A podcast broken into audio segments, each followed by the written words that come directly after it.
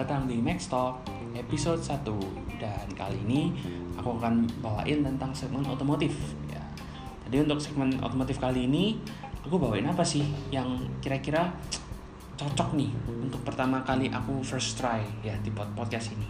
Aku rasa aku akan bawakan sebuah hal ya Mobil tentunya yang dekat banget dengan orang Indonesia Yaitu adalah Toyota Kijang.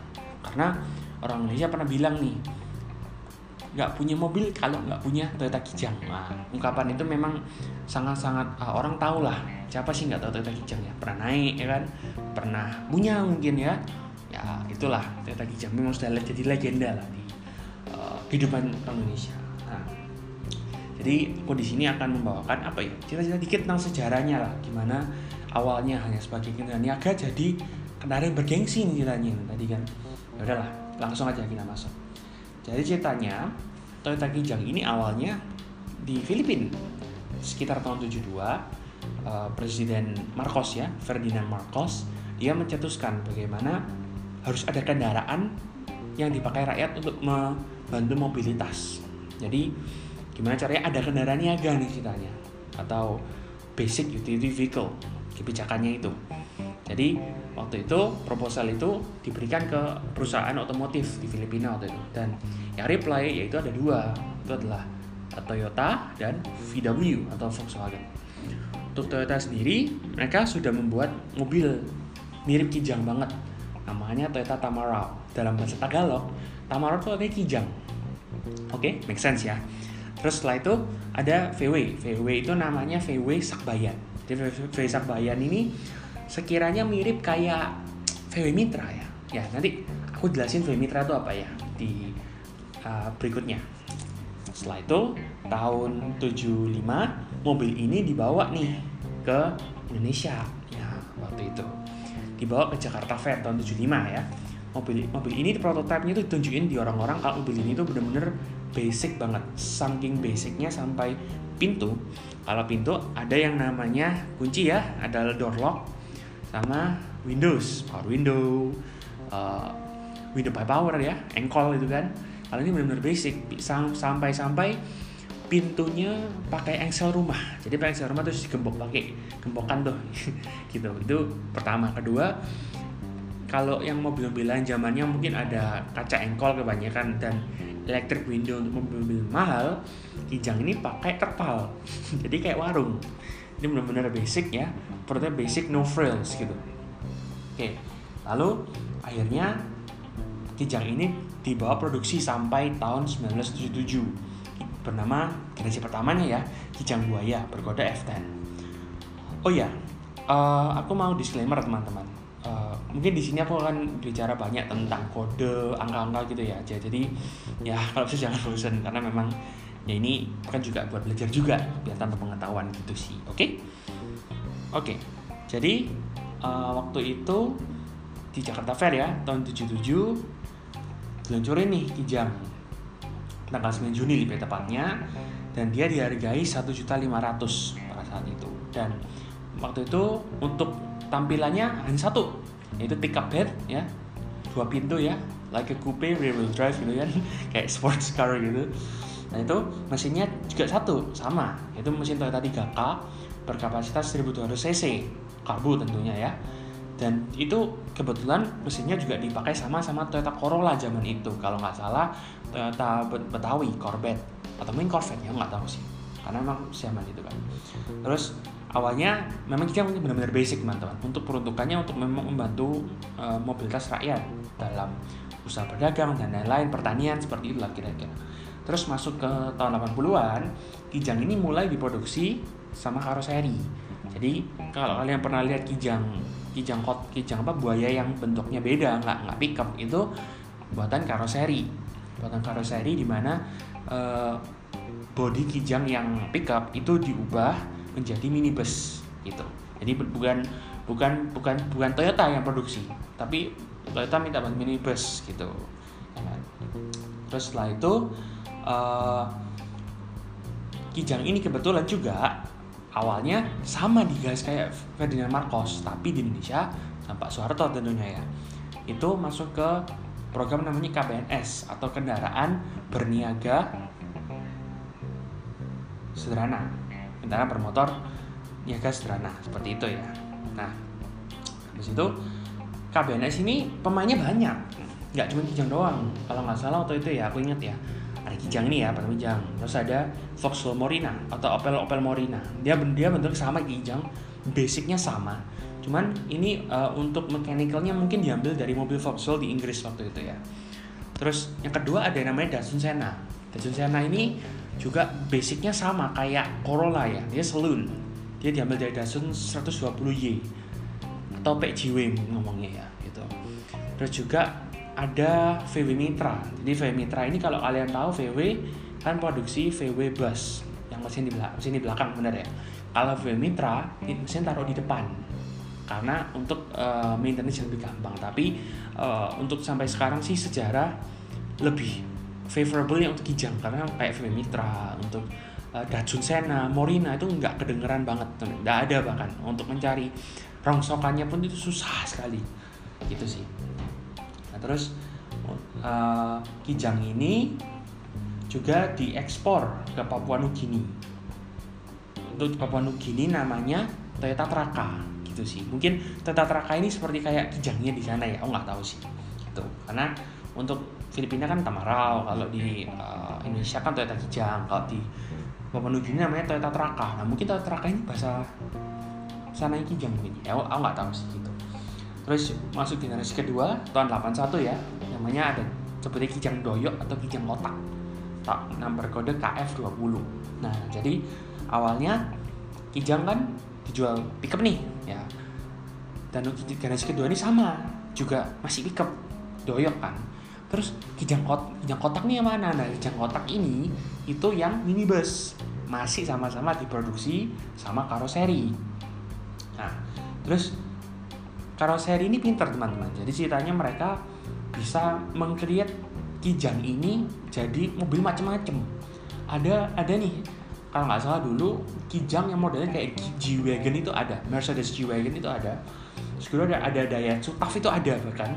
Terus Chevrolet Trooper dan lain-lain itu banyak. Jadi memang orang Indonesia kreatif kreatif ya gitu. Itulah.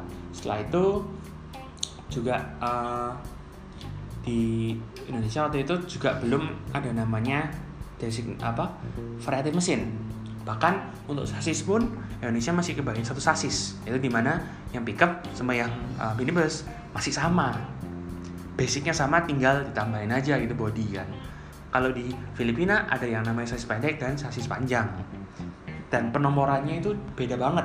Kalau yang sasis pendek ya kita dapat sasis pendek F20 kalau yang di Filipina ada yang panjang namanya KF30 gitu.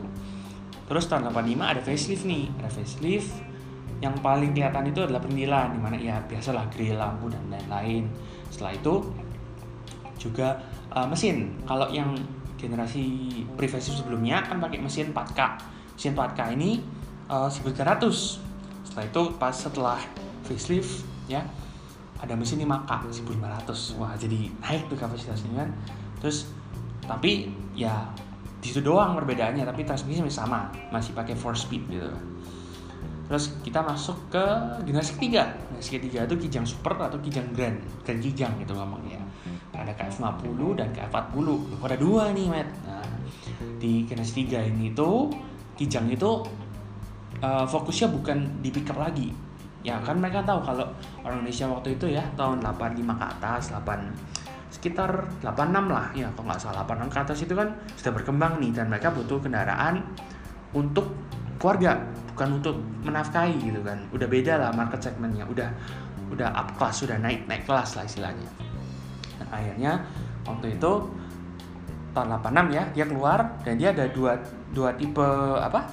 Dua tipe sasis. Ada pendek kayak 40 ya sama panjang kayak 50 gitu. Tapi itu untuk mesinnya tetap satu pilihan yang sebelumnya ya Toyota 5K 1500 gitu. Untuk minibusnya itu ya masih tetap uh, masih pakai uh, karoseri lokal tapi lebih spesifik. Jadi Toyota itu kayak sama udah sama uh, tiga karoseri lokal yang apa ya istilahnya resmi gitu ya. Ada tiga ya. Itu pertama adalah NCH atau Nusa Cendana Harum. Kedua adalah SC atau Superior Coach dan yang ketiga adalah Nasmoko Bodytech. Ya mungkin Nasmoko Bodytech ini familiar banget ya karena Nasmoko zaman sekarang mungkin dealer ya tahunnya dealer Nasmoko gitu. Terus ada banyak nih sebenarnya yang nggak cuma tiga itu aja ada banyak saya lagi cuman yang official yang orang-orang tahu oh ada tiga itu Superior Coach, NCA, Nusa Tenggara Harum dan juga Nasmoko Bodytech gitu. Terus tahun 92 ada facelift. Nah faceliftnya ini keren di mana Toyota Kijang tuh ada namanya full press body. Wah Toyota full press body. Jadi apa sih full press body itu? Jadi ceritanya itu adalah waktu itu kalau Kijang zaman-zaman karoseri pastinya kan uh, mobilnya di custom nih ya kan? Pickup dijadiin minibus ditambahin uh, kayak semacam part-part body tentunya pakai dempul. Dan kan nggak mungkin nggak mungkin kalau part-part body itu akan uh, sekuat let's say uh, mobil yang dimanufaktur langsung sama uh, manufakturnya gitu loh. Dan akhirnya waktu itu kasih dempul banyak. Itu sebuah solusi di mana supaya bodinya ndak ndak lemah gitu waktu itu. Nah tapi karena Toyota sudah kenalin full press body tentunya dempulnya semakin dikit. Dan juga pastinya apa uh, rigiditasnya pasti semakin bagus dong. Ya. karena kan gak ada bagian-bagian yang terpisah-pisah ditambahkan gitu loh. Jadi istilahnya kayak kalian buat rumah ya. Buat rumah kalau misalnya rumahnya awalnya sudah ada fondasi kan udah bagus misalnya kalian buat dari salah satu dari bagian-bagian kecil-kecil kan pasti nanti rapuh gitu. Nah ceritanya seperti itu kira-kira. Terus setelah itu um, tahun 92 ya ada facelift dan juga uh, ada mesin baru juga nih 7K wah V1800 itu uh, mesin yang paling gede di kijang kotak waktu itu atau fisiknya namanya Grand Kijang. Dan itu ada namanya varian Grand Kijang Extra ya kan? Dan untuk kali ini Grand Kijang sudah mempunyai komponen yang lebih dari 44% dan sudah diekspor ke 9 negara. Wah itu achievement banget sih. Maksudnya kayak mobil buatan Indonesia yang bisa mendunia itu itu nggak mudah. Butuh proses lama ya kan? Everything takes time gitu. Terus aku ingat banget ya waktu itu di zaman zaman itu mobil itu itu banyak tuh destinasinya. Ada namanya Kijang Short ada Kijang Long Kijang Ranger terus ada Kijang Rover. Nah, kalau menurutku sih Kijang paling mantap tuh Kijang Rover ya.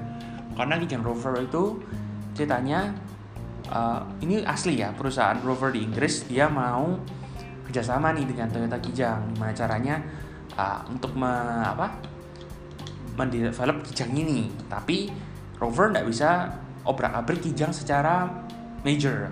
Ya udah mereka akhirnya minor ya minor apa menemukan aksesoris. Misalnya waktu itu yang paling terkenal adalah coklat coklat sama cok elektrik. Itu mewah banget ya di Kijang itu mungkin setara sama kayak Toyota Venturer gitu ya. Terus ada juga setir kayu ya setir nardi ada blow pump cobra stick. Nah itu, itu mungkin zaman sekarang sih apaan sih? Nggak tahu kan. Biasa gitu. Tapi dulu dulu itu canggih banget gitu kan terus juga di luar tuh Tamaro masih ada di Filipina terus di Afrika Selatan ada namanya Toyota Stallion. Nah Toyota Stallion mungkin kayaknya Mustang ya karena kan Stallion itu kan kuda gitu kan.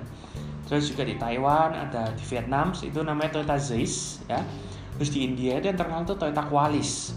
Nah, Toyota Qualis itu yang sejenis dengan ini tuh dia lucu. Lampunya mungkin mirip kayak kijang kapsul yang generasi setelah nanti ini. Pokoknya aneh banget deh mungkin kita lihat yang kijang kotak yang lampunya kotak pipih terus ditempel lampu kapsul itu aneh gitu rasanya ya nggak seproporsi aja gitu sih terus generasi keempat ya uh, ada yang namanya kijang kapsul atau kijang LGX atau F70 atau F80 series gitu. Nah, jadi ceritanya untuk mobil ini ya, untuk generasi keempat kijang ini dia itu dijual tahun 1997. Di mana mobil ini tuh mempunyai uh, mesin yang banyak dan juga trim yang baik banget. Dan mungkin tetap kijang kapsul tuh mobil yang masih diminati zaman sekarang ya karena waktu itu ada dua tipe mesin ya oh sorry ada tiga mesin itu 7K 1800 injeksi ya terus mesin satu RZE 2000 cc dan 2000 cc diesel 2400 maaf. 2400 cc diesel 2L nah gitu. Dan waktu ini mulai juga uh, karoseri karoseri mulai hilang karena memang sudah apa memakai full press body ya sama kayak Toyota. Cuman ini lebih advance di mana bodinya ini uh, dipres ya dengan mesin berkekuatan 1500 kg jadi uh, apa ya? Jadi istilahnya untuk me membentuk mobil itu itu dengan teknologi yang lebih bagus.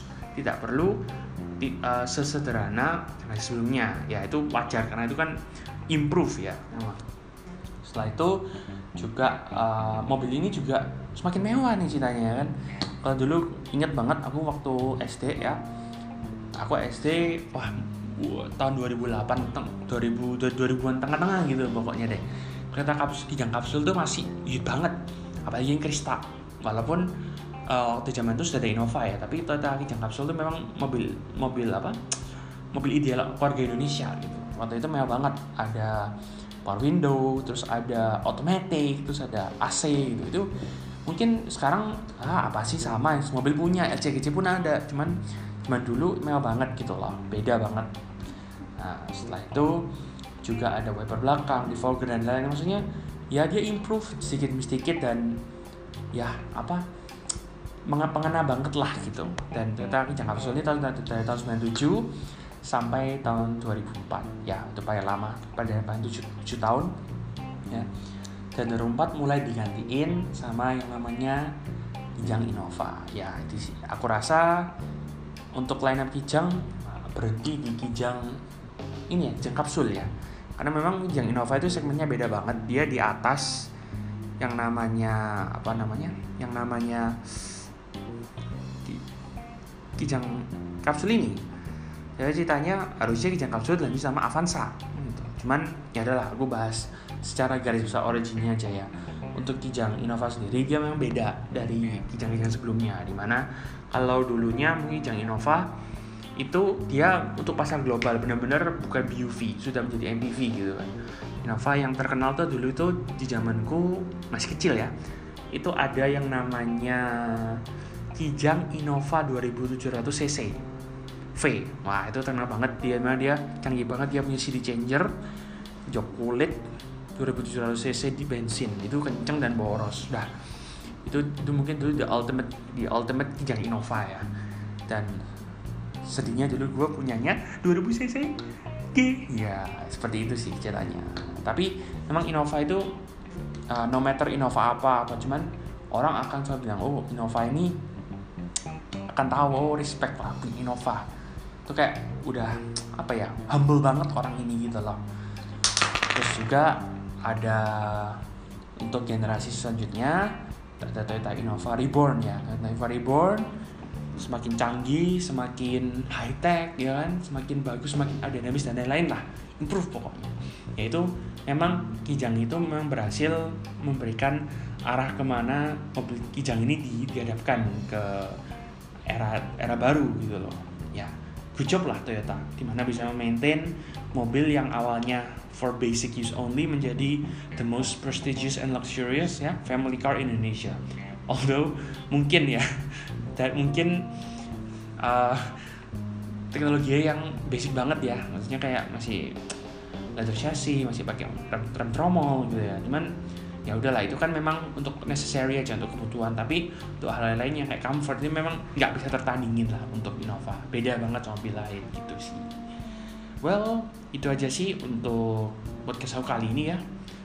Ya kalau misalnya kalian apa ingin yang mau ingin request nih podcast apa boleh dah ke Instagram gua bisa DM gua di @matthewnyoto matthew.nyoto ya.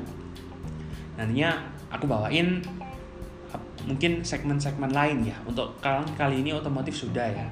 Mungkin kayak segmen musik atau uh, movies. Tapi uh, konsentrasiku tuh movies yang dari tahun 1990 ke bawah ya. Atau mungkin juga mungkin ada yang video 90s 2000 kalau misalnya aku memang interested seperti itu sih. Ya well terima kasih and thank you guys. Stay safe ya Thank you.